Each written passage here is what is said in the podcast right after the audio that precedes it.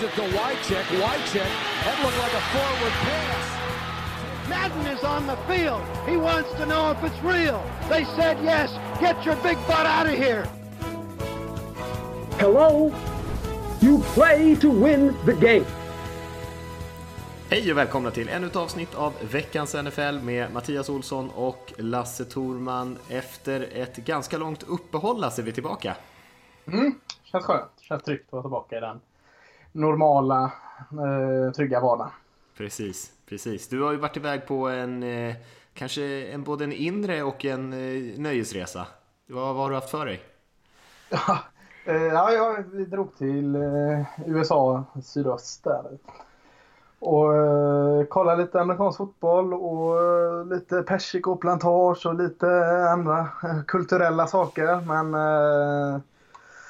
det var två veckor där i sydöstra USA. Riktigt gott var det. Runt 20 grader och, och eh, bra fotboll. Jag fick ju till slut köpt eh, med en biljett till eh, Iron Ball där mellan Auburn och Alabama. Och det ångrar jag ju inte. Det var en av de fräckaste matcherna jag sett.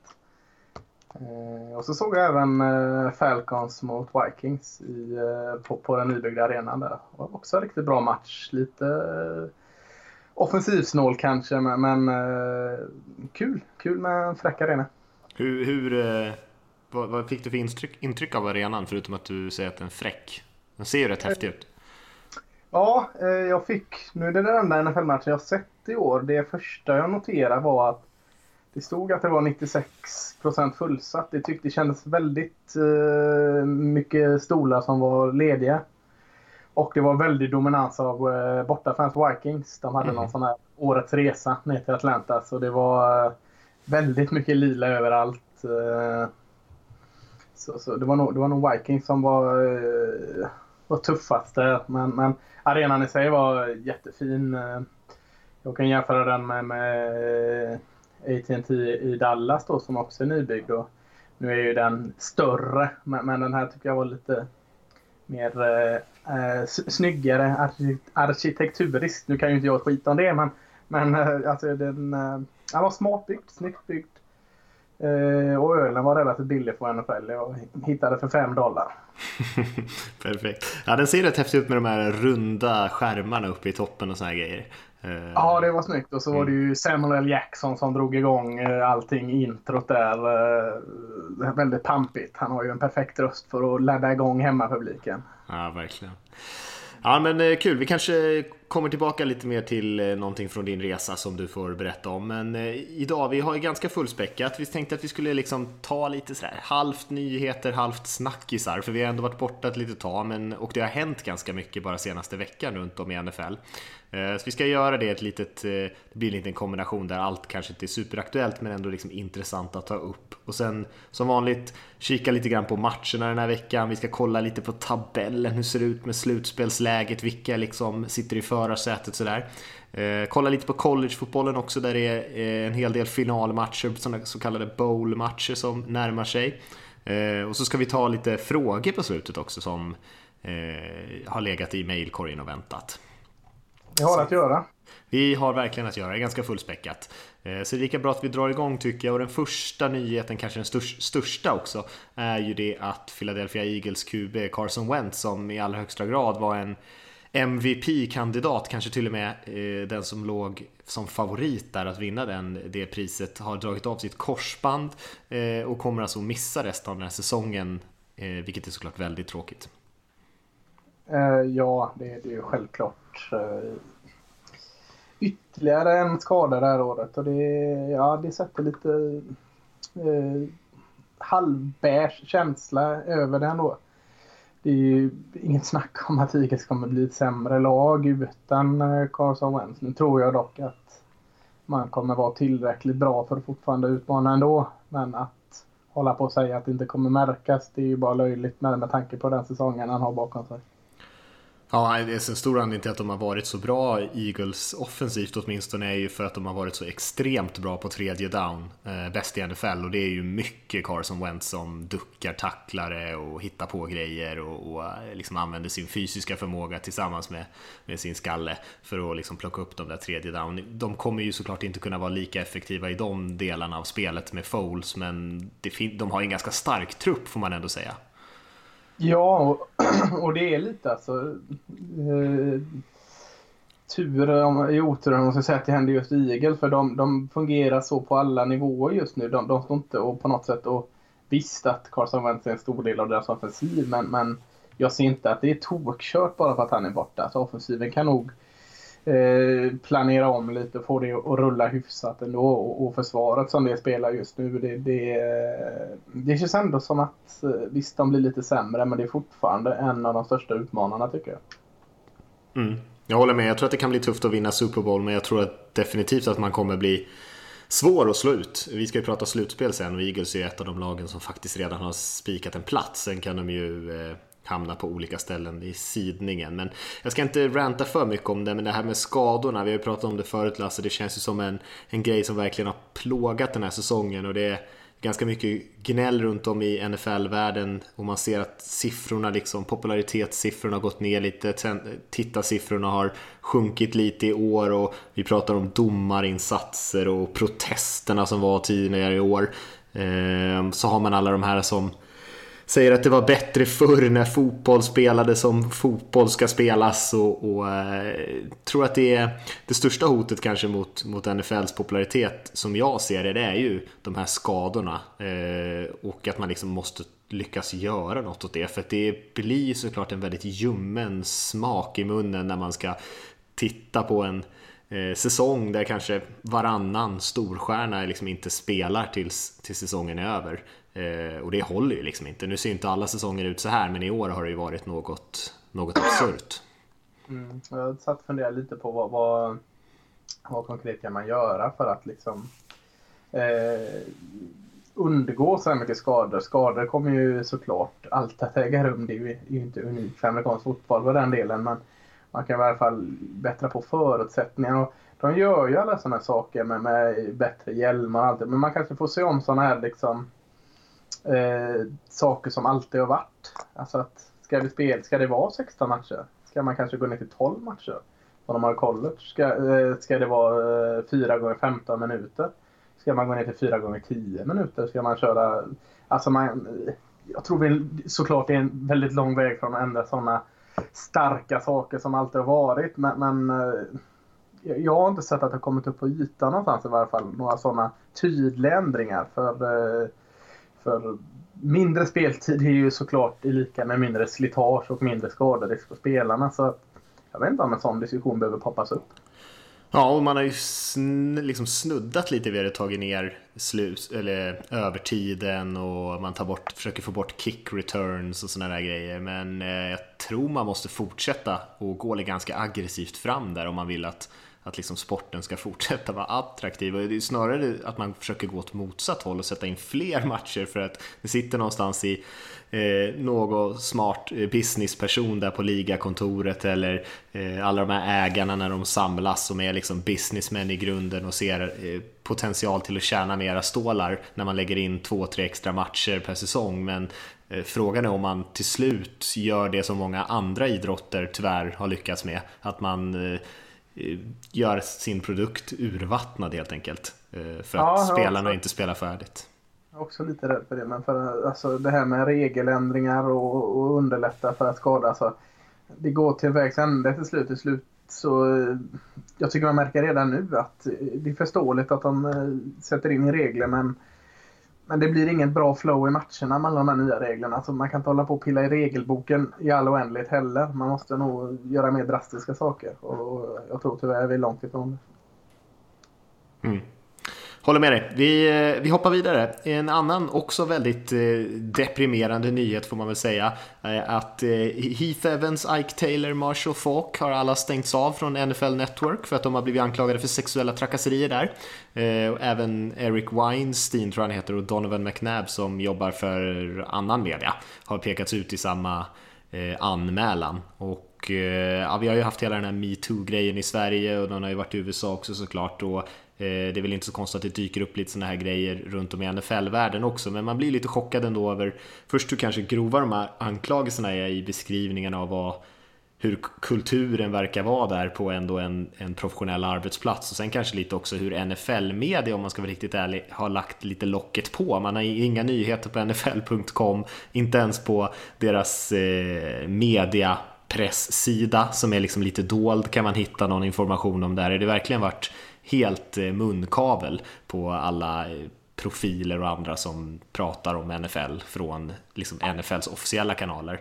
Eh, vilket är lite lite förvånande tycker jag att de tror att ingen liksom ska lägga märke till det. Bedrövligt skulle jag säga att det är. Mm. Alltså, eh, bra som såklart att det kommer upp. Eh, Titan de här grejerna. Tråkigt att de kommer upp men eh, det känns att vi vet så lite om allting kring detta men det vi vet om är ju det du säger att NFL eh, själva sticker huvudet i sanden totalt och försöker på något sätt mörka detta. Det tycker jag är det är nästan det jag är mest förbannad på nu. Mm.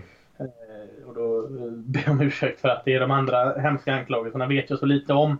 Man, man, man gör ju det. Eh, eh, så det ska inte jag sitta och spekulera mer än att det är skit att de finns och att det är bra att det kommer upp. Men, men just det vi vet om är att NFL, ja som du säger, de, de eh, låtsas som om det regnar. Och det tycker jag är, är pinsamt. Ja, för man är ganska snabb på att peka finger på alla spelare som gör saker som är fel, vilket såklart rätt att de, att de liksom eh, fördömer felaktigt beteende, men när det är ens egna anställda då, då ska det helt plötsligt inte pratas någonting om det och det skickar en väldigt konstig signal om man faktiskt försöker eh, åstadkomma någon typ av förändring. Så eh, väldigt mysko det där, men i anmälan så pratas det ju om filmer och bilder och allt möjligt. Förhoppningsvis så är de grejerna sparade så att man har konkreta bevis att det liksom inte går att slingra sig ur den här affären. Mm. Ja, nästa nyhet är väl eh, kanske lite positiv och lite negativ beroende på vems eh, perspektiv man har. Men Cleveland Browns har sparkat Sashi Brown, deras eh, general manager kan vi väl ändå kalla honom, även fast jag inte är helt säker på att det är den titeln han har haft. Och man har ersatt honom väldigt, väldigt fort med, med John Dorsey som har ett förflutet i Green Bay framförallt och, och sen i Kansas City Chiefs mellan 2013 och 2016 där man ändå får säga att de samlade på sig rätt mycket bra spelare. Känns jättebra. Känns mm. som äntligen gör Cleveland Browns något bra. Mm. Alltså jag... Ja, det är grymt att de lyckats få honom. Tror han hade haft eh, fler val om han hade velat ha det, så han har nog blivit lovad en hel del. Jag skulle säga att det är ett bra jobb i Browns faktiskt. Eh, man, man tänker ju inte att det är det. Det är ju kanske ägaren Haslem där som är lite opolitlig. Men man går in i en ganska ung trupp, ganska mycket duktiga spelare som vi har sett ändå. Browns har utmanat i väldigt många matcher i år, även fast man inte har lyckats vinna någon av dem. Och sen så har man ju faktiskt två val i första rundan och tre i andra rundan eh, det här året. Så det finns ju mycket ammunition att leka med. Ja, Alltså det är ju en utmaning, det, det får man säga, att, att uh, ta sig an uh, Cleveland Brown-projektet. För att du har ju förutsättningarna bara du får börja få ordning på det. Alltså med alla de här draftpicken och detta så jag förstår ändå på något sätt att man som general manager vill, uh, vill ta sig an den här utmaningen för förutsättningarna är ju kanon. Alltså ja. jättemånga unga bra spelare och jättemånga picks. Det, och, och låga förväntningar. Skulle de vinna fyra matcher nästa år så är det ju ett steg i rätt riktning. Ja, jag tänkte precis säga det, låga förväntningar. Man har ju chans att bli en absolut gud i Cleveland. alltså bara man skulle helt plötsligt om några år lyckas nå slutspelet. Bara det utan att vinna någon match där eller någonting. Det skulle ju vara så att de nästan reser en bronsstaty på, på torget höll jag på att säga. Eh, det finns ju allt att vinna på något sätt och, och eh, gör man inte det så, kan, så, finns det ju alltid den där historien om att det, det är någonting annat där som är felet ja. i Cleveland. Så att, eh, ja, man kan bara gå, komma uppåt. Mm. Eh, en positiv nyhet rundar vi av här lite med Lasse, bland det som vi kan kalla nyheter kanske. Det är att Aaron Rodgers, eh, quarterbacken i Green Bay Packers såklart, är tillbaka från sin skada och kommer faktiskt att starta på söndag vad jag har förstått. Eh, och de har ju faktiskt chansen att nå slutspel fortfarande. Ja, en minimal chans. Är det ja, det är tufft, men de, de har chansen. Ja. Eh, nej, nej, det är bra. Jag är tummen upp. Jag har inte mycket mer att säga. Kul med en profilrik spelare tillbaka. Verkligen. Tufft spelschema har de och så har de ju Vikings före sig. Så de kan ju max komma till 10 vinster. Så det blir ju tight såklart. Men, mm. men chansen har man. Eh, lite, lite andra grejer som jag bara funderar på Lasse, som man kanske inte kan kalla nyheter. Och eh, det är väl lite sen vi senast spelade in, då hade ju redan AFC West gjort oss ganska besvikna och många andra kanske skulle man kunna säga, men det har bara blivit värre och värre för den divisionen och det är nästan så att man känner att inget lag egentligen förtjänar att gå till slutspel från den divisionen. Eh, ledarna är ju på 7-6 eh, och Chargers kanske ser ut som det absolut bästa laget i divisionen, i alla fall har spelat bäst de senaste, den senaste månaden. Ja, med deras start alltså. Ja. De var ju körda. Gick de 0-4? Ja, bra fråga, något sånt. Jag kan kolla upp det om du vill. Ja, eh, oavsett med den starten så eh, blir man nästan förbannad att de, eh, att de är med i matchen här nu med den starten. Jag tror de gick, eh, jag är ganska säker på att de gick 0-4. Mm, men, det gjorde de. Ja, mm. det hade varit helt galet om de tog sig till slutet med den starten. Det kan inte ha hänt allt för många gånger. Nej, och nu har de ju fyra raka vinster eh, och 7-2 på sina nio senaste. Så, eh, ja. Ja, de har ju spelat bra, men de har också några väldigt oturliga förluster där i början får man ändå säga, där man sumpade matcher på något sätt som bara Chargers kan. Mm, verkligen. Ja, eh, jag tycker AFC, alltså, om du hakar upp dig på AFC West så tycker jag man kan haka upp sig på hela AFC. Vi har sagt det och, och många andra, vi är inte på något unika med det. Och säga att AFC ligger efter NFC. Tycker det är ännu tydligare i år att det är bara två lag i den eh, konferensen som som är att ta på allvar och det är Steelers och Patriots. Visst, Jacksonville Jaguars eh, och, Baltimore, Kansas och, Chargers eh, finns där men det känns inte alltså, som på något sätt eh, att de ska vara där och utmana med de säsongerna de har haft. Det är, det är inte rättvist med tanke på hur många bra lag det finns i NFC som jag tror jag skulle kunna rabbla tio lag som känns som hyfsat vettiga utmanare medan jag kan inte ta fram mer än två i hela EFC. Så eh, nej, jag vet inte hur det kan komma sig. De har ju samma förutsättningar som NFC. Om du skulle välja någon, för nu, nu glider vi nästan över lite i tabellsnacket här, men det gör väl mm. inte så mycket tycker jag. Eh, om du skulle välja någon som du tror skulle kunna få upp tempot lite här på slutet och bli en seriös utmanare förutom Steelers och, och Patriots i AFC, är det något lag du ser då har den potentialen? Jacksonville kanske. Alltså, eh, nu vann de mot uh, Seahawks hemma sist. Liksom, som ändå får ses som ett, ett vettigt test. Jag tror de, eh, de kan nog vara med och utmana. Men det är också, det var så länge sedan de var i ett slutspel. Vad, vad har de där att ge? Vad har de alltså, för stjärnnyckelspelare? Ett bra försvar. Men skulle jag säga någon så, så tycker jag väl Jacksonville är de som förtjänar att nämnas med Silas och Patriots. Mm. Ja, jag kanske ser ändå Chargers som de som har potentialen, men alltså, man litar ju inte på dem verkligen. Eh, och så tänker man ändå att Chiefs kanske skulle kunna hitta tillbaka lite av det till den magin de hade i början på säsongen. Men i övrigt tycker jag ja, det är inte några starka utmanare. Man kan ju hitta hur många lag som helst som du säger i NFC som, mm. som är giftiga. Mm. Ja. Ska vi, ska vi djupdyka in lite i slutspelsbilden i UFC mm. eller? Ja, men gör det. Eh, vi har väl två lag som, eh, ja Pittsburgh är på pappret klara. Eh, men jag säger att New England Patriots också är klara. Så de, de kan vi liksom mm. sätta som etta och tvåa här. Sen tycker jag vi har eh, i eh, AFC South blir det va? The Titans och Jaguars. Eh, känns som de ska mycket till om de inte tar med sig ett wildcard där och då är det ju de två. Eh, sen är det inte så, alltså, bakom det, du har Chiefs och Chargers eh, som gör upp i FC West. Något av de lagen kommer det bli då. Eh, och sen, vad har du med? Du har Baltimore Ravens. Du har eh, möjligtvis Buffalo om det ska vara riktigt jäkla flyt här. Sen är det inga mer lag. Nej. Det är Miami som har någon form av eh, teoretisk chans att gå vidare. Det kan räcka med nio segrar i, i AFC för att ta en slutspelsplats, eh, känns det som. Jag hoppas det är tio segrar så är jag ganska övertygad om att du har en slutspelsplats. Men, men jag tror ändå Steelers, Patriots, Jacksonville känns som tre klara i slutspelen då. Sen kan du slänga Titans på ett wildcard. Så kan du sätta Chargers på AFC West tror jag på. Eh, sen när man kollar spelschemat och så tror jag faktiskt att med rutin har varit med för att Baltimore Ravens, de har Cleveland borta, Indianapolis hemma och Cincinnati hemma. Extremt lätt. Extremt lätt spelschema. 3-0 där med, med, eh, rutinen att vara med om detta förut och motivationen. Ingen av de här lagen har någon motivation att uh, mer än heden att kämpa om. Så att går, Bolt, vinner Baltimore mot alla de tre så är de 3-0, 10-6, 10-6 är det vidare. Men då, då är det kan inte varken Buffalo, Miami eller ja, det skulle väl vara om ja, jag tror inte det är möjligt heller att eh, två lag från AFC West skulle kunna eh, komma upp i tio segrar heller. Jag vet inte ens om det är matematiskt möjligt. Så att med det enkla spelschemat så tror jag att Baltimore Ravens tar, tar sig ett slutspel också där. Det är väl inte möjligt för Chiefs och Chargers möter väl varandra den här veckan va? Och det är väl Ja. de som är 7-6.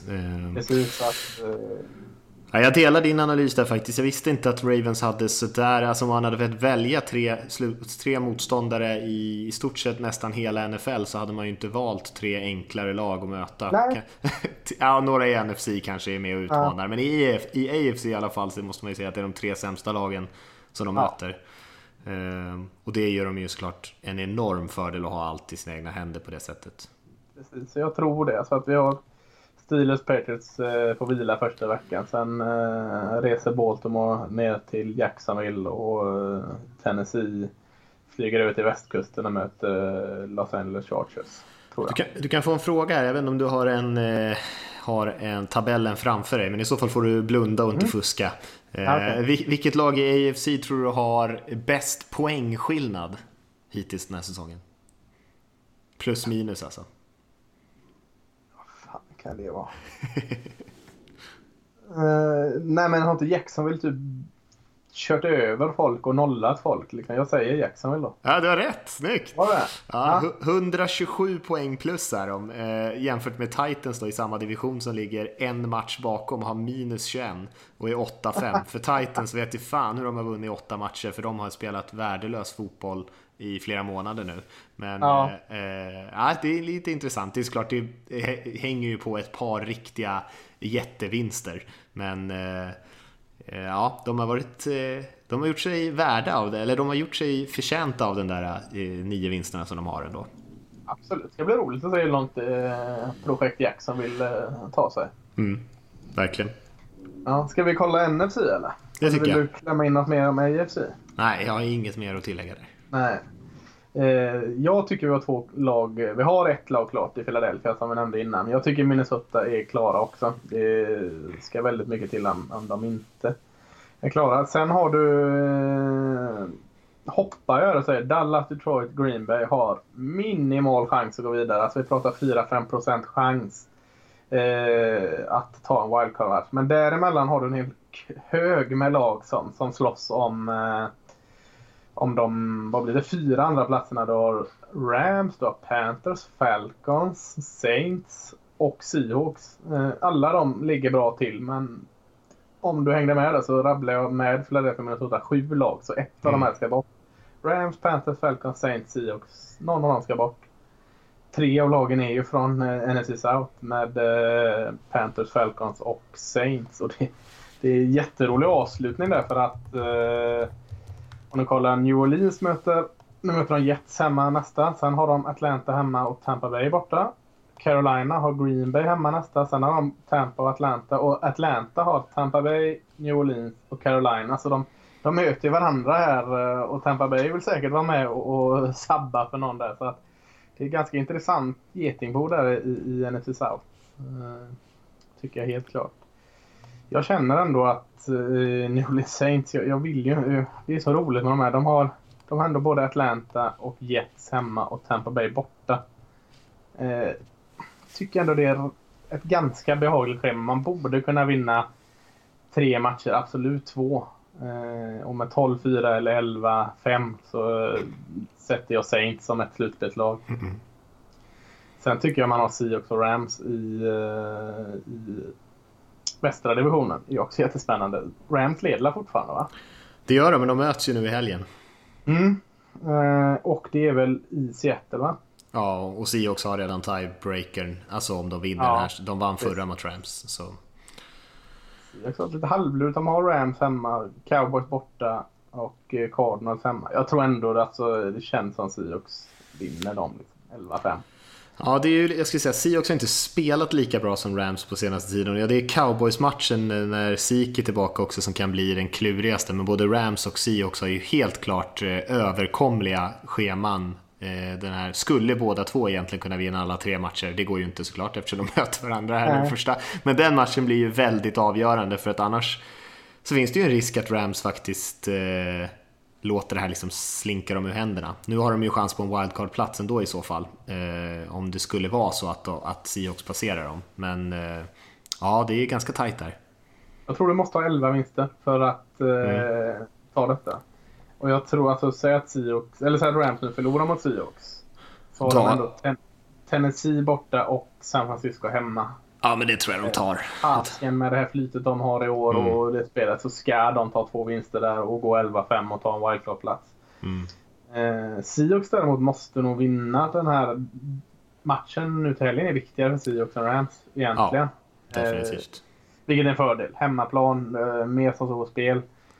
Så jag, jag, tror också att Seahawks kan gå 3-0 och 11-5 och eh, både vinna divisionen och ta sig till slutspel där.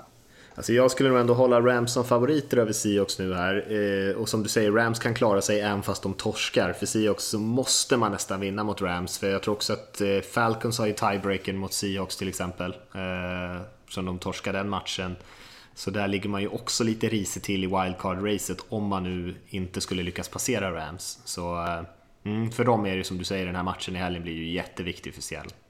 Mm. Och jag tror också att jag, jag sätter Saints som eh, laget från NFC South. Och jag tror att Carolina Panthers faktiskt kan ta det här. De har Green Bay hemma första matchen med Aaron Rodgers. Men det känns ändå som att ja, de borde ändå kunna klara det. Eh, Tampa hemma ska de klara. Eh, sen är det den här Atlanta borta. Eh, de har råd att förlora en av de matcherna. Eh, jag tror de kan gå 2-1. Och, och då är det Atlanta som eh, står på utsidan och, och kollar in. Eh, I, I eh, östra divisionen så är det ju Eagles. Alltså, de gör rabblar Dallas Cowboys, Detroit Lions och Green Bay Packers. De måste vinna rubbet. Och även om de vinner rubbet är chansen stor att de ändå inte tar sig till slutspel. Så jag, jag tror inte på någon av de lagen. Skulle det vara något så skulle det vara någon form av kollaps för, för Vikings och, och eh, Green Bay får något eh, IB-flyt med eh, Aaron Rodgers. Det, det, skulle väl vara det, men jag har så väldigt svårt att se det. Mm. Ja, det, är, det är tajt i NFC och det är ganska mycket eh, ganska bra lag. Alltså man får ändå säga att eh, nu är det lite synd att Eagles drog på sig den där skadan. Men man får ändå säga att Eagles är seriösa utmanare, Vikings seriösa utmanare, Packers som de lyckas nästlas in, med, Aaron Rodgers är definitivt en seriös utmanare, Saints, Panthers, även Falcons om de tar sig till slutspel, Rams, Seahawks, alla de här lagen är ju potentiella utmanare skulle jag säga. Och när vi pratar om AFC som du var inne på tidigare, kanske bara två lag som egentligen känns som de skulle kunna nå Super Bowl. Eh, ja. Och det är ju en jäkla skillnad jämfört med alla de lagen som jag nyss räknade upp i NFC. Ja, nu vet jag inte, sa du cowboys? Så skulle de på något jäkla sätt ta sig till slutspel med en Sik tillbaka eh, och en hel Lee och så känns det också som en vettig utmanare. Absolut, jag räknar inte ens med dem där. Nej, de har vacklat en del i sista men och, och Falcons vet jag inte om du sa heller. Så jag skulle säga att det finns... Då är det fall, nio lag är vi uppe i. Då. Ja, jag skulle säga att det är åtta, nio lag som, är, som jag inte hade varit jätteöverraskad om de var i Super Bowl. Nej. Nej, jag, jag hade varit helt sjukt överraskad om det var något annat än Steelers eller Patriots som var i Super Bowl i AFC. Länge sedan vi hade en sån här obalans skulle jag säga. Eh, ja. Jag kan inte ens minnas det. Eh, det är en väldig skillnad på de två konferenserna. Men det var vi inne på inför säsongen och har pratat om flera gånger. Det är kanske ingen nyhet. Men eh, ja, det blir bara tydligare och tydligare. Mm, det är lite synd. Mm. Ja, är det något mer du vill lägga till där eller ska vi sammanfatta lite? Ska vi det? Ska jag säga vilka, hur slutspelet blir? Ja, gör det. Det blir, det känns ja. tryggt och bra. I AFC så har vi Steelers och Patriots som får vila första veckan. Sen har du Jaguars, Chargers, Titans och Ravens. Så du har Baltimore borta mot Jacksonville och Tennessee borta mot Chargers. Jag gillar att du också lägger upp wildcard-matcherna. Det är perfekt. Ja, ja. Får man. Får man ja, I NFC har du Eagles som vinner. Jag tror de går 13-3.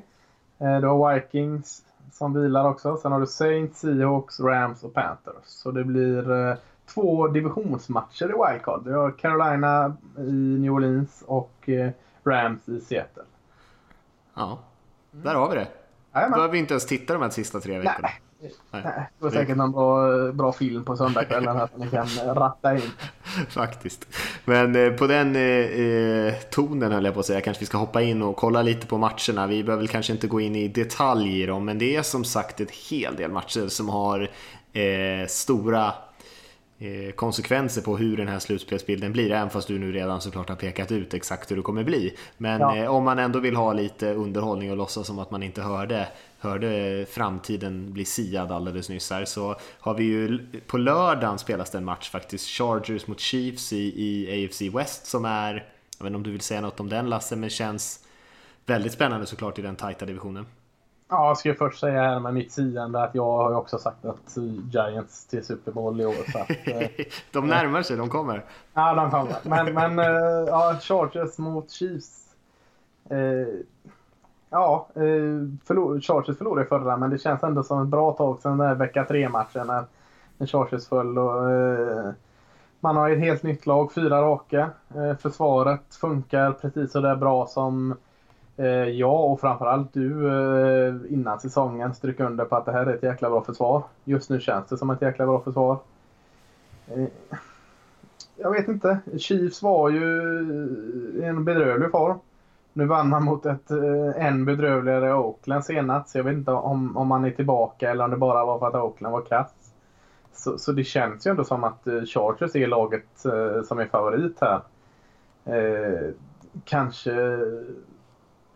ja, kanske tydlig favorit. Men så är den här. Den är i den här månaden, december. I, alltså på slätten där i eh, Kansas City på en öppen arena utan tak. Det kan vara djävul tyg till väder. Kan man säga så? Jag vet inte. men, men, men alltså. Eh, hemmaplan kan ha en stor faktor på Arrowhead eh, som gör att jag inte alls räknar bort Chiefs. Men, men jag håller nog Chargers som favorit.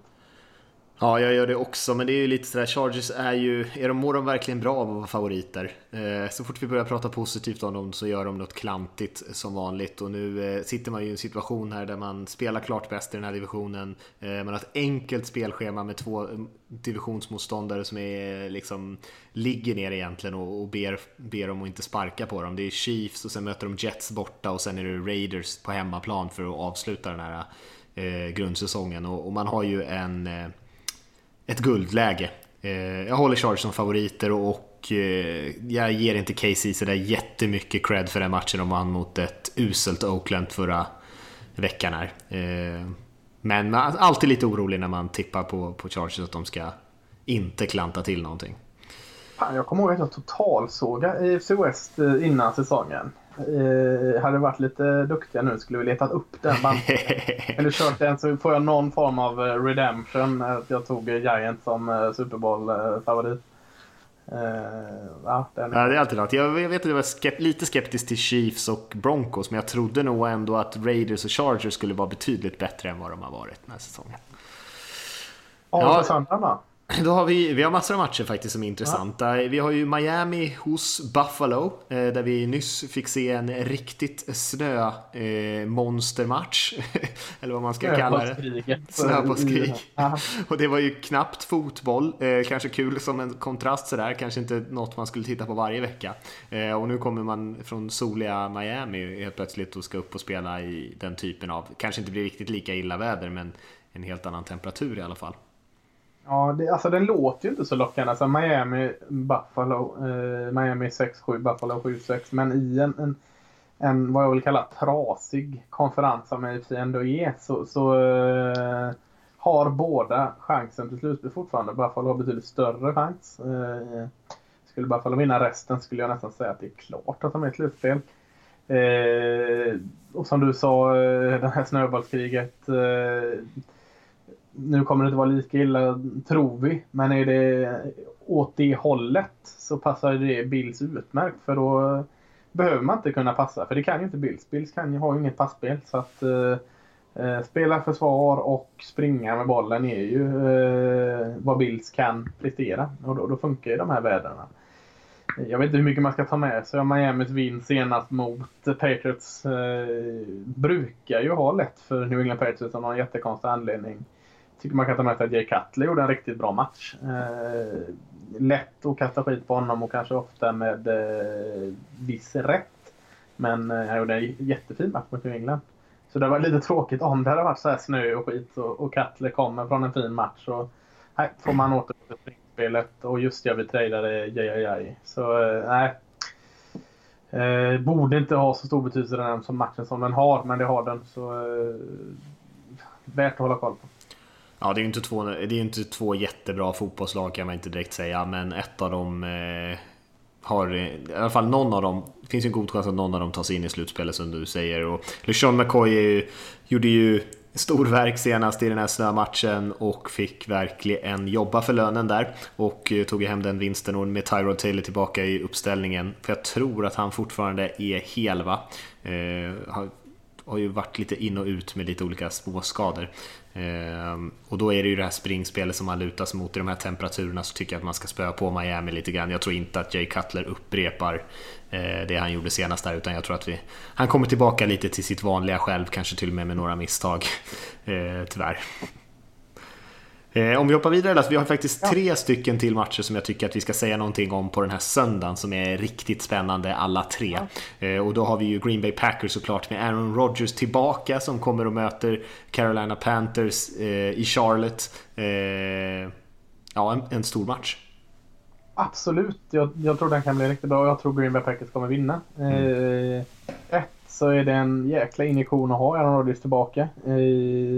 två, att man är nog, trots att man lyckades vinna mot Cleveland, har man nog eh, revanschsug för man vill på en riktig skitmatch om man ska vara ärlig. Eh, och så är man mer eh, desperata. Man måste ha tre segrar där. Carolina kan förlora den här matchen.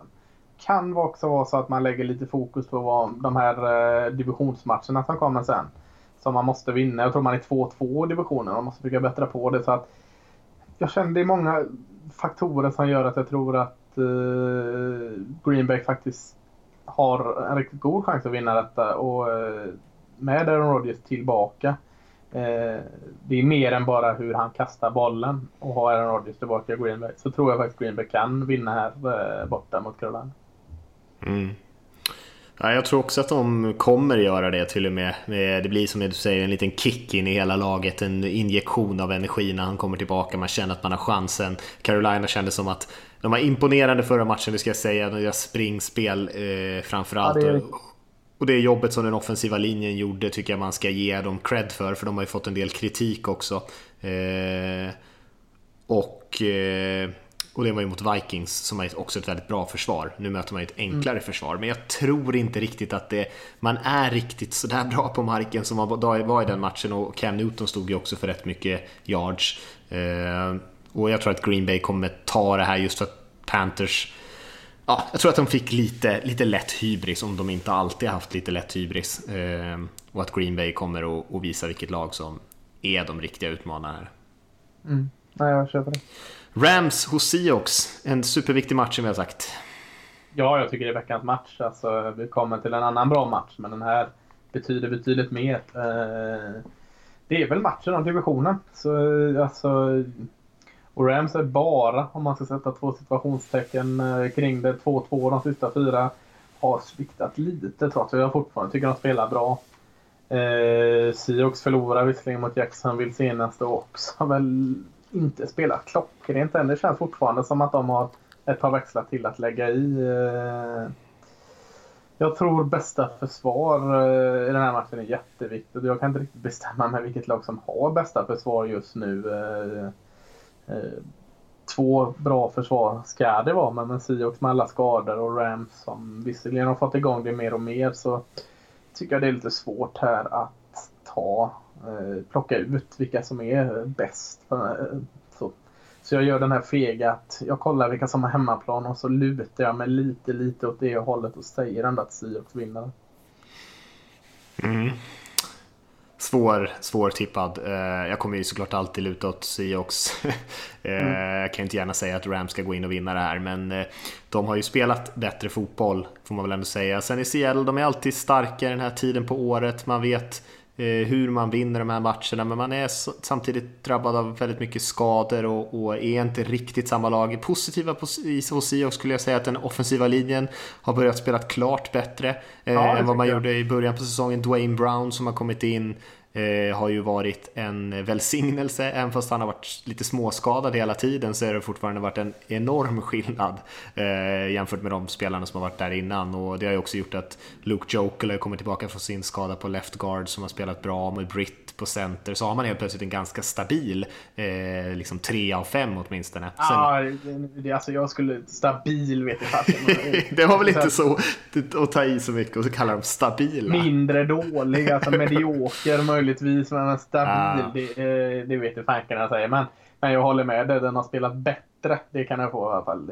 Ja, stora, stora problemet är ju i Feddy på, på högra sidan som är den stora svag, svagheten egentligen. Men ja, jag tror att man ändå kan hantera eh, Rams defensiva linje hyfsat i den här matchen i alla fall, även fast de alltid har plågat dem historiskt sett. Men man tappade ju också både Bobby Wagner, sin linebacker, och sin andra linebacker, KJ Wright, Eh, i senaste matchen här och spelade ju eh, med egentligen special teams-spelare på linebacker-positionen. Och det var ju då också man tillät alla poäng mot Jaguars ja. Eh, efter de skadorna. Så att förhoppningsvis är de spelarna tillbaka och, och, och är lite mer energi på planen än vad det var mot Jacksonville. För även Blake Bordel såg väldigt bra ut mot Seahawks i den matchen. jag tror att ändå att det kommer bli svettigt att stoppa det här Rams-anfallet. Det kommer bli, det kommer bli en tuff match för Seahawks. Man kommer definitivt inte att få en, en bekväm dag. Om man vinner så blir det tight i slutet tror jag. Mm. Jag tror ja, Jimmy Graham vinner Mycket möjligt, mycket möjligt. Han var knappt involverad förra veckan skulle jag säga. Nu har vi, vi har, du kallar det här veckans match, men vi har ju faktiskt en jättematch i FC också Lasse, men den betyder inte lika mycket, vilket gör att den kanske inte är riktigt lika intressant. Men det är ju Patriots hos Steelers, man skulle nästan kunna tänka sig att det är en potentiell Super Bowl om inte båda hade spelat i AFC. Men som sagt, de två giganterna i den konferensen. Ja, eh, grym. Eh, Patriots gör ju sällan, väldigt sällan två plattmatcher i rad och, och eh, brukar väl ha ganska enkelt mot just Steelers. Eh, men jag kan inte liksom släppa. Pittsburgh har åtta raka vinster eh, och det känns som det mesta klickar nu. Men så kommer män igen. Uh, Ryan Chassier... Ah! Vad fan säger man? Shazier brukar jag säga. Shazier, jag hatar det namnet. Det är så mycket tjurande. han Ryan där. Shaliv, Lasse. Shaliv. Uh, Ryan från Ohio State. Uh, fick ju en riktigt elak skada och det är ju oklart om han kommer kunna uh, spela fotboll någonsin igen, vilket såklart är skittråkigt. Är ju borta uh, och han är ju kuggen i, i Pittsburghs försvar, i varje fall i springförsvaret. så jag tror vi kan, vi kan vi kan räkna med ganska mycket poäng i matchen. Alltså New England försvar är inte det mäktigaste i världen heller. Eh, jag tror vi kan räkna med att New som springer mer än vanligt. De springer ganska bra i vanliga fall också. Eh, men jag, jag kan inte hjälpa det. Alltså, åtta raka och Antonio Brown är ju så jäkla produktiv. Eh, och så har du... Ja, nu vet jag inte om han är i Asien förresten. Jules Smith Schuster. Han gjorde ju något, någonting där men kanske bara fick en böter. oavsett så har man så mycket bra playmakers i stilar som funkar just nu så att jag tror på hemmaplan att Pittsburgh ändå kan vinna detta. och och eh, jag tror det betyder mer vinsten för Steelers än vad det gör för New England. Men jag har också jättesvårt att se New England förlora två matcher i rad. Så att jag vet inte var jag vill komma med detta. Jag står kvar på det. Konstatera att jag inte kan uttala eh, linebackerns namn. ja, men jag, jag håller helt med om eh, Shazier där förresten, för han är ju som du säger, eh, de pekar ut det på tv-sändningen senast också, att han, hans snabbhet på linebacker-positionen saknades ju verkligen och man hann liksom inte ut på kanten och fylla hålen ordentligt och, och eh, det var ganska uppenbart att han att man hade liksom vant sig vid att han hade den rollen där så och man visste inte riktigt hur man skulle täcka upp efter det. Eh, båda de här lagen tycker jag, så här, Pittsburgh väldigt upp och ner den här säsongen. De är, klart det är imponerande att de vinner matcher med 39-38 men är Baltimore Ravens verkligen ett så bra lag att det ska bli den typen av resultat? Man vann, jag tror man med en poäng även över Indianapolis Colts som kanske är det sämsta laget i NFL. Eh, så jag tycker inte att man har imponerat sådär jättemycket. Och så har vi Patriots som torskar mot Dolphins senast, eh, men i övrigt har varit dominanta. Eh, jag tror att New England kommer in och vinner den här matchen. Jag tycker att de är det bättre laget, jag tror att om de här två lagen möter slutspel så tror jag att Patriots vinner. Jag är övertygad om att de vinner. Den här matchen som inte är, kanske betyder riktigt lika mycket, kanske lite mer upp i luften och den är dessutom i Pittsburgh. Men jag tror ändå att Patriots vinner.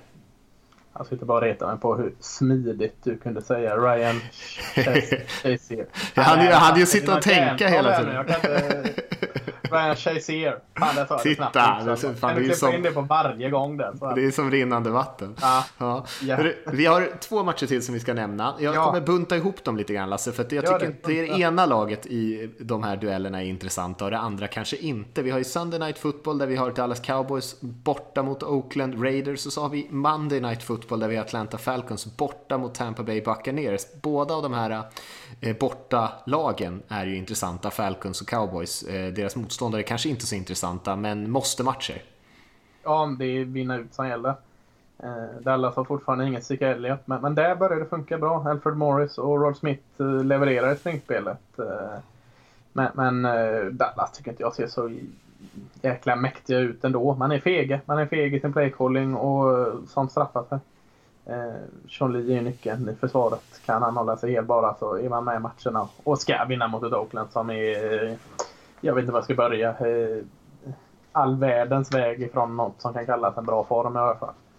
Det är lite och, oroväckande med Derek Carr där kan jag tycka. För i övrigt så är Oakland kan man ju säga så här, det är försvaret det som, som gör det. Mm. Eh, det är den offensiva linjen, bla bla bla bla bla. Eh, men att, eh, och, och det, det, sånt kan man ju liksom leva med. Men att deras franchise quarterback i Carr som alla har inte varit helt sålda på honom hittills i hans karriär heller, men, men han har ändå spelat på en hög nivå och nu gör han den här säsongen som ett rejält kliv bakåt och han är tillbaka till några... Han gnäller också. Alltså det känns, han känns... Han är inte på, han är inte på ett bra ställe. och lite av de här grejerna som vi såg i college som man var lite orolig för. Det är eh, liksom hur, hur är känslan i fickan, liksom hur bekväm känns han? Vågar han ta de här besluten som, som måste tas? Eh, och, ja, det är lite av det där som, som man var orolig över som liksom har krypit tillbaka. Och eh, förhoppningsvis så kan han skaka av sig det, men det är ja, lite oroväckande.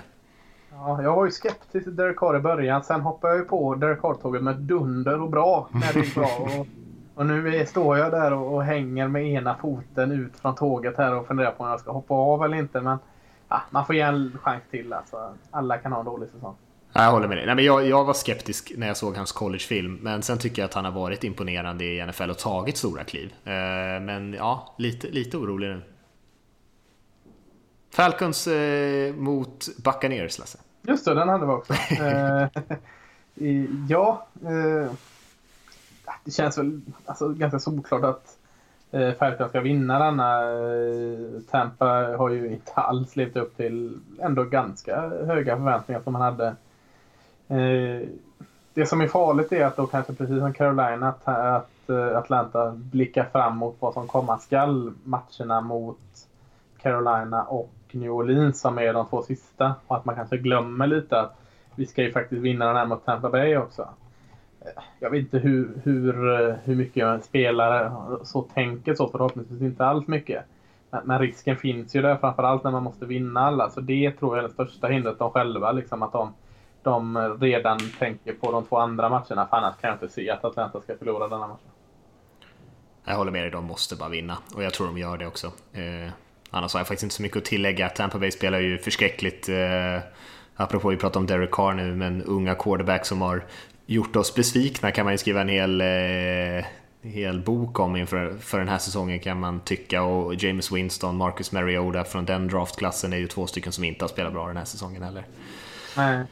Eh, ja, vi, jag tycker vi hoppar vidare där faktiskt och eh, tar och ägnar lite tid åt collegefotbollen som du eh, har betydligt bättre koll än mig på. Och du kan väl uppdatera oss lite vad som händer där just nu? Ja, eh, grundsäsongen och alla eh, divisions och konferensmästerskap är avklarade. Så nu börjar det som kallas för bowl season. Alltså att eh, alla lag som har minst sex vinster eh, bli inbjudna till att spela i en eh, bowlmatch, någon form av finalmatch. Och eh, med en eh, division 1 i college med 130 lag cirkus så, så blir det en hel del sådana här matcher. Eh, av olika storlek. De här fyra lagen som gick till slutspel är Clemson, Oklahoma, Alabama och Georgia eh, spelar på nyårsdagen, alltså första januari.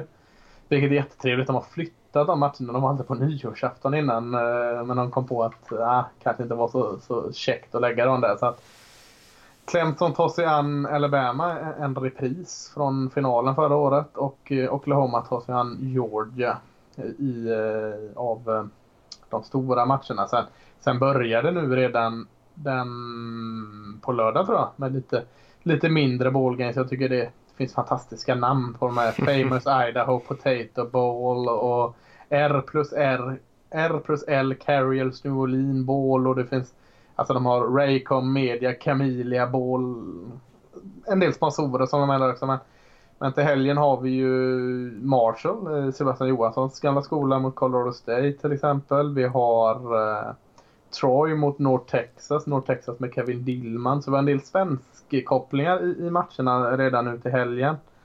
Och, och, men man kan väl regel säga så att nu börjar de lite mindre attraktiva bowlmatcherna och så sen strax efter jul eller kring jul och mellan jul och nyår då, då, då kommer de här lite mer heta matcherna. Alltså inte bara slutspelsmatcherna utan vi har eh, Texas, Missouri och eh, Stanford, TCU, eh, Virginia Tech, Oklahoma State och lite åt det hållet. Alltså NC State, Arizona State och bla bla bla sånt. Så eh, det finns en hel del bowls att se fram emot helt klart. Mm. Jag håller med dig om det. Det är alltid ett par som man liksom hajar till med vad de heter. Eh, och jag antar att det är lite för att det är ganska knäppa företag ofta som har köpt rättigheterna till de här bowlsen. Så. Ja, lite koll på college alltså. Men vi eh, ska ta lite lyssnarfrågor här alltså, innan vi mm. rundar av dagens podd och vi börjar väl ticka upp här i minuterna så det är väl fullt rimligt. Vi har en fråga från Uffe som skriver Hej, tack för en riktigt bra podd. Jag undrar hur skador påverkar lagens cap space, alltså lönetaket där. Om en spelare är skadad, tar man då bort hans lön från eh, lönelistan eller cap space och därmed skapar utrymmen för en ersättare? Är det någon skillnad om en spelare bara är borta några få matcher jämfört med om en spelare åker på en otäck skada som håller honom borta resten av säsongen? Frågar Uffe.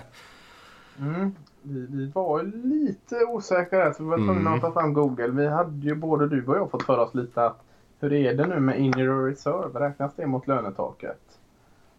Och det kom vi fram till att eh, det räknas mot lönetaket, väl? Ja, så länge säsongen ja. har börjat som jag förstod det. Precis. Så att, eh, skadar man sig på försäsongen och man sätter spelaren på injury reserve eller något sånt där liknande, då är man ju inte... Då räknas det inte. Men, Nej, eh... för det var någonting med en injury reserve där. Men mm. skadar du dig vecka ett och är borta året ut så eh, får du dra lönelasset. Då kommer man inte undan. Eh, nej, man kan ju, det kan ju klart man kan ju alltid släppa spelaren och sådär. Ja. Men det är ju lite riskabelt såklart för då kan ju någon annan plocka upp honom. Eh, men, eh, men så ligger det till i alla fall. Mm. Och vi har en fråga här eller två från Robin som skriver Tjena grabbar! Tänkte börja med att tacka för en bra podd med intressant innehåll. Keep up the good work! Tack säger vi. Jag har två ganska olika frågor till er. Läste en intressant artikel som handlar om vilket lag som skulle bli bäst om varje college fick sätta ihop ett lag med aktiva spelare som blivit draftade till NFL från deras skola. Enligt artikeln skulle Florida State och Georgia få ihop mest kompletta lag. Vad tror ni? Vi tar en fråga i taget tror jag Lasse, för de är ju så olika. Ja, nej, men jag tror den artikeln är ju på något där. Först tänker man så här Alabama, Ohio State, LSU, USC. Men ingen av dem har en riktigt solid quarterback i NFL just nu. Eh, och det, det, vet vi ju alla att det är ganska viktigt. Så jag tycker vi stryker de här stora eh, collegerna där. Och Georgia har vi Matthew Stafford i Detroit till exempel och jättemånga andra fina spelare. Florida State har du James Winston som visserligen har haft en liten trevande säsong men ändå är en bra QB och en massa andra spelare. Jag skulle vilja lägga till Michigan, Tom Bradys Michigan. Mm, just och, eh, de har också väldigt, väldigt Eh, möjligtvis Stanford var du inne på. Nej, men, men ditt, eh, ditt Seahawks har ju en hel uppsjö av Stanford-spelare där. Man kanske tänker på Richard Sherman eh, framför allt. Men är, ni har väl en receiver också som är hyfsat bra där va? Ja, Baldwin kommer ju från Stanford yes. också. Så har vi ju Andrew Luck när han är hel är en fantastisk QB. Hel... Också Oklahoma med, med uh, Sam Bradford uh, och en jäkla massa andra bra spelare. Så, mm. Men jag tror man måste gå på QB först där om man, om man på något sätt ska göra det riktigt. Mm. Nu hör jag din dotter där i bakgrunden Lasse. Ja, jag har också detta. Hon kan ta något lite in. Hon är ju på Mississippi State. Och, ja, precis. Ja, Fresno State skriker hon i bakgrunden. ja. Derek Carr. Ja precis. Fresno State. Eh, ska vi hoppa vidare till hans andra fråga så skriver han att eh, quarterbacks har ju en viss möjlighet att ändra spel ute på plan som den styrande spelaren för offensiven och som jag har förstått det så fungerar middle linebackern som den styrande pjäsen för försvaret. Men hur mycket kan en linebacker egentligen förändra på planen? Kan de till exempel ändra från ett zonspel till en blitz? Ha det fint, skriver Robin. De kan väl ändra på en hel del. Mm. Men frågan är liksom hur mycket de, de ska ändra på eh, egentligen zon till blitz. Jag vet inte, det kan bli ganska svårt att få ordning på det på den korta tiden man ska ändra. Mm. Ja, men eh, har du något vettigare att säga där? Eh, jag tror att det är väldigt olika i olika lag såklart, men det känns ju som att det är oftast mindre justeringar man gör och ofta man kanske justerar någonting på defensiva linjen för att eh, liksom se till att eh, gap-integriteten eh, håller och såna här grejer. Eh, och ofta känns det väl som att laget secondary på något sätt ofta reagerar på det som man gör förändringar där fram och gör sina egna förändringar. Eh, men att däremot eh, liksom kalla en blitz eller till och med ha friheten att blitza själv, det tror jag att många linebackers har. Absolut, det blir ju väldigt svårt för dem att gå in och pilla i secondary. Det hade varit väldigt, väldigt bisarrt. Ja, det känns som att det är större chans att det går åt helvete om man ska börja flytta runt alla elva spelare. Så att jag tror att eh, för det mesta så är det nog mindre justeringar man gör. Mm. Har en fråga från Martin här som skriver Hej, börjar som vanligt med att tacka för en toppenbra podcast. Alltid kul att se fram emot er sändning inför varje NFL-omgång. Och min fråga handlar om lateral passes, alltså passningar som man kastar rakt i sidled eller baklänges. Ni vet när ett lag ligger under vid slutsekunderna men är för långt ifrån motståndarens endzone för att försöka sig på en Hail Mary. Då blir det ofta det som kommentatorerna kallar för razzle dazzle. Bollen börjar kastas sidledes och bakåt till nästan alla i laget, känns det som i alla fall. Och i hopp om att hitta någon öppen öppning framåt. Jag tycker nog att detta alltid är dömt att misslyckas och kan inte minnas att jag sett detta utföras framgångsrikt någon gång. Har ni något exempel när, på när detta faktiskt har lett till en touchdown som man kan kolla upp på YouTube eller liknande, skriver Martin. Rattle Dazzle det kan gott, gott på den då. Det Faktiskt. Härligt att få in det. Jag har inget i NFL. I college händer det ibland sådana mm. galenheter. Eh, men har du något? Har... Nej, alltså, alltså inte som är på sånt här vanligt spel. Det är klart, vi har ju sett trickspel som eh, Music City Miracle som vi har, jag tror att det fortfarande är en del av vårt intro, eller i alla fall mm. var. Eh, som är ett klassiskt spel som avgjordes i slutsekunderna eh, när man egentligen ja, punt-returnen springer liksom en bit fram och sen kastar baklänges till andra sidan plan. Eh, och det är ju liksom en, en, den typen av passning, men inte något där man liksom kastar bollen åtta gånger fram och tillbaka och sen kommer igenom. Det har jag aldrig sett i NFL. Nej, tråkigt. Det kan vara lite konservativt ibland i NFL. Mm, verkligen. Ja. Eh, en sista fråga har vi här från Peter som skriver Hej! Ett önskemål om diskussionsämne. Jag gillar när ni pratar djupare om ett lag. Kan ni inte göra liknande med positioner och lagdelar? Lasse säger då, att när ni börjar, säger då och då när ni börjar nämna linjemän att det här skulle jag kunna prata om hela dagen eller kvällen. Så gör det, tycker han då. Eh, Vad gör en linje bra eller framgångsrik? Vad gör en spelare bra? Hur har spelet, taktiken förändrats över tid för linjespelare? Varför är så många linjespelare över överviktiga? Hur håller man en linje framgångsrik över en hel säsong? Och massor av sådana typer av frågor. Så det är någonting han tycker att vi ska kanske djup, djupdyka i någon dag, Lasse, utan att vi gör det idag. Så det är väl en bra grej att ta med sig. Att, eh, kanske ja, det får du inte övertala mig om. Och, och, och börja såklart med Olan och så jobbar vi oss eh, kring de mindre viktiga platserna. Precis, får vi se om vi kommer till nästa position. Ja. Eh, men han har också en fråga här faktiskt. Det var en trend att ta basketspelare och göra om dem till NFL-spelare. Och framgångsrikt i många fall kan man se att det finns liknande liknande trender där man tar personer från andra sporter och gör om dem till NFL-spelare. College-studenter som är väldigt bra i till exempel baseball, friidrottare, sprinters och kastgrenar till exempel, eller brottning skulle ha fysiska förutsättningar, men även ex exempelvis rugby, fotboll skulle kunna göras om till NFL-spelare. Och så undrar han om det är vanligt helt enkelt.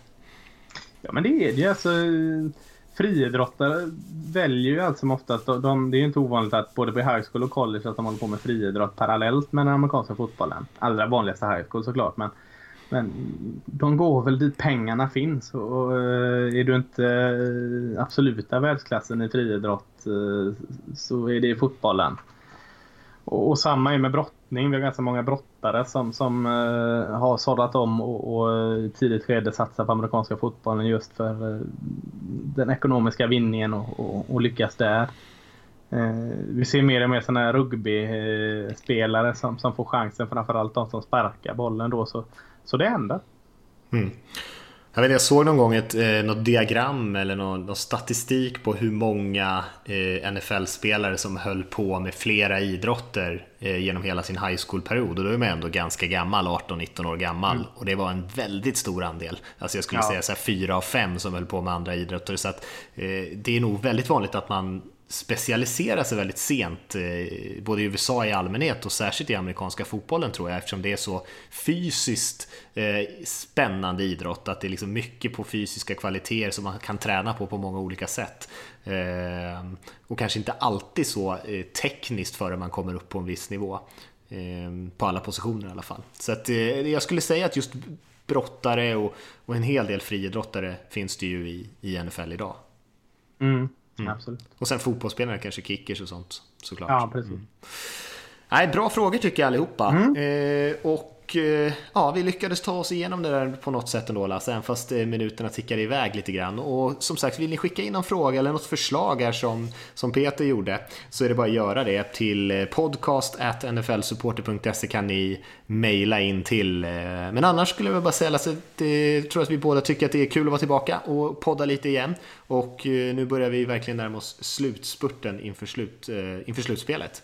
Ja, det är härligt. Det är härligt. Och eh, allting känns som att det är, det är viktiga matcher nu över hela ligan. Eh, och med det sagt så får ni ha en eh, bra helg och njuta av matcherna. Så hörs vi igen i nästa vecka helt enkelt. Det gör vi. Ha det bra allihop.